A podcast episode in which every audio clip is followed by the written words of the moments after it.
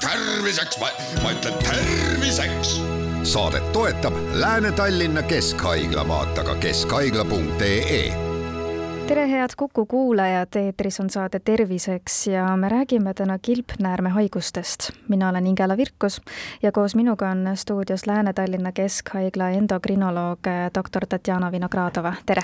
tere, kallid kuulajad! Alustame sellest, et kes on endokrinoloog ja millega ta tegeleb, millega teie tegelete nii et tegelikult igapäevane töö seisnebki diabeedi diagnoosimisest ja ravist ja kilpnäärmehaiguste diagnoosimisest ja ravist.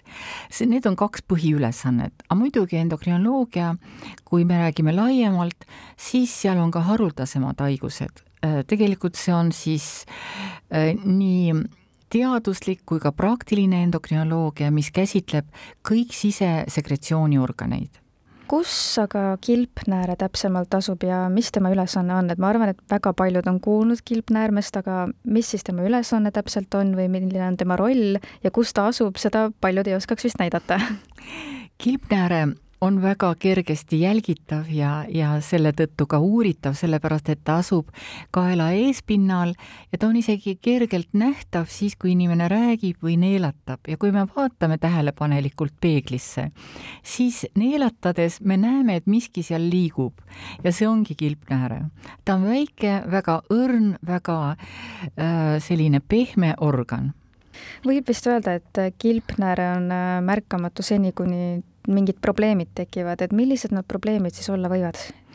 aga see on kõikide haiguste kohta kuuluv väide, sellepärast et me ei märka, kuidas meil süda töötab ja kopsud hingavad ja, ja millal me magama läheme ja kuidas seal öösel hormoonid töötavad. muidugi me ei märkagi, kui kõik toimib.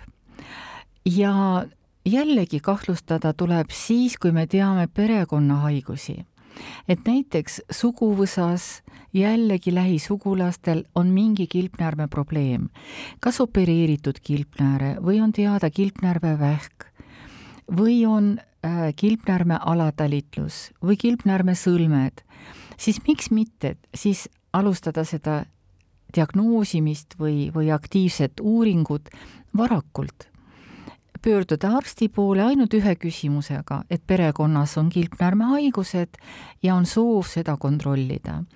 aga sellises laiemas äh, sellises perspektiivis soovitatakse kilpnääret ikkagi kontrollida aktiivselt pärast neljakümnendat eluaastat. ikkagi vaadata ultrahelis kilpnäärme suurus, kilpnäärme sõlmelisust ja kontrollida kilpnäärme hormoonid, kontrollida kilpnäärme talitlust.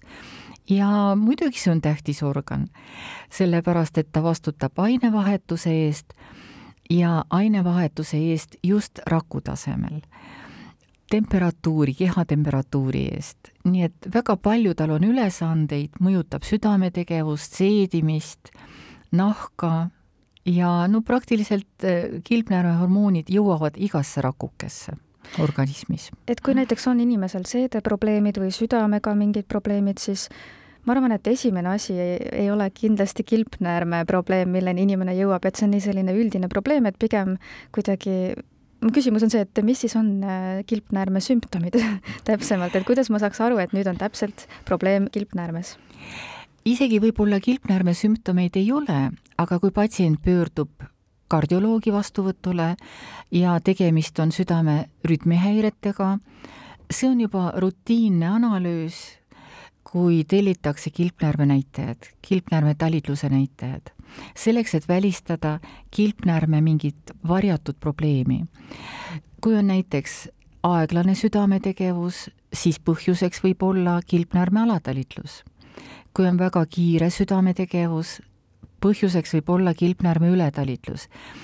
nii et väga paljud diagnoosid ongi välistamise teel, et välistada kilpnäärme patoloogia südamerütmitusega. näiteks kui on kõrge kolesterool, ka tasuks ükskord välistada alatalitlus.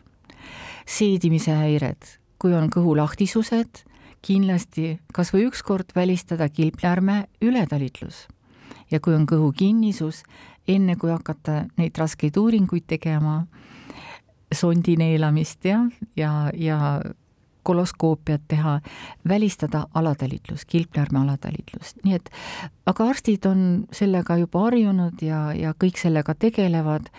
Nii et tavaliselt see toimub kõik rutiinselt, aktiivselt, ükskõik mis eriala vastuvõtul.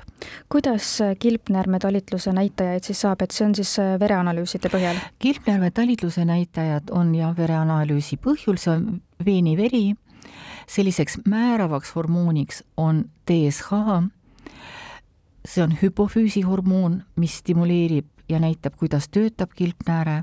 nii et piisab ühest näitajast, et aru saada, kas kõik on korras või mitte korras. aga kui võetakse laiemalt, siis see on siis DSH ja vabad hormoonid FT4 ja FT3. kui levinud sellised kilpnäärme probleemid eestlaste seas on?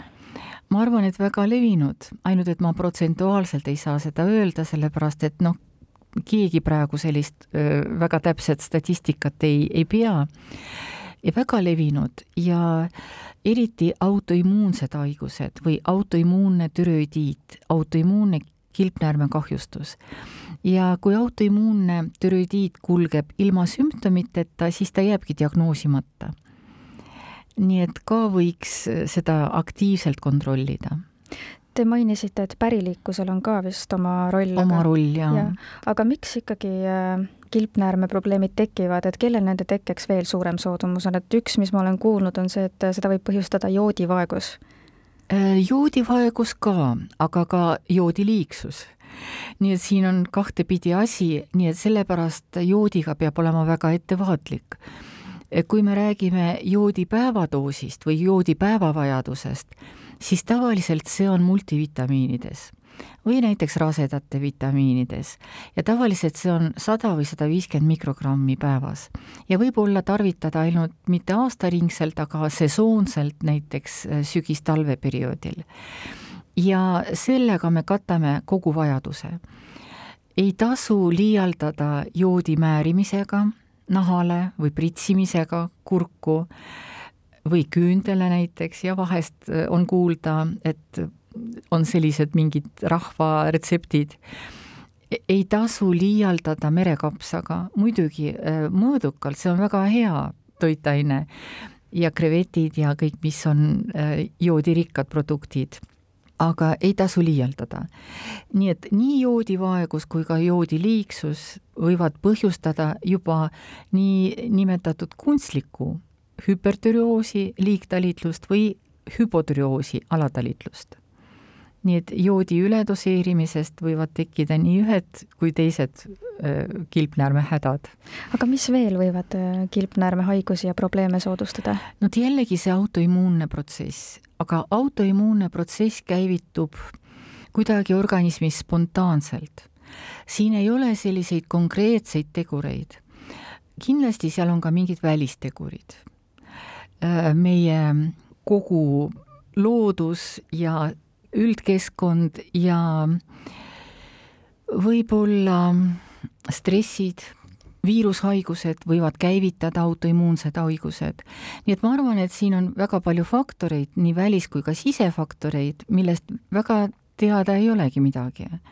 nii et kui autoimmuunne protsess käivitub, ta võib käivituda ükskõik mis organis, kaasa arvatud ka kõhunäärmes ja kilpnäärmes ja liigeshaigused, need on väga paljud ja nahahaigused, väga paljud haigused on autoimmuunsed. ja kui on üks autoimmuunne haigus, see toob kaasa tavaliselt ka teise-kolmanda autoimmuunse haiguse või ei välista seda. nii et väga peab olema siis hoolas selles suhtes ja, ja mõtlema selle peale, noh, tavaliselt perearst teab kogu perekonna lugu ja haiguste lugu selles perekonnas ja siis aktiivselt võib seda kontrollida.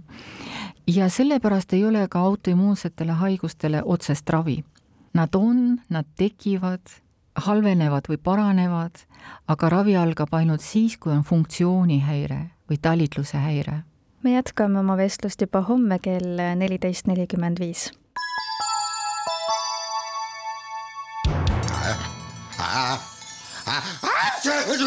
terviseks, ma ütlen terviseks. saadet toetab Lääne-Tallinna Keskhaigla, vaata ka keskhaigla.ee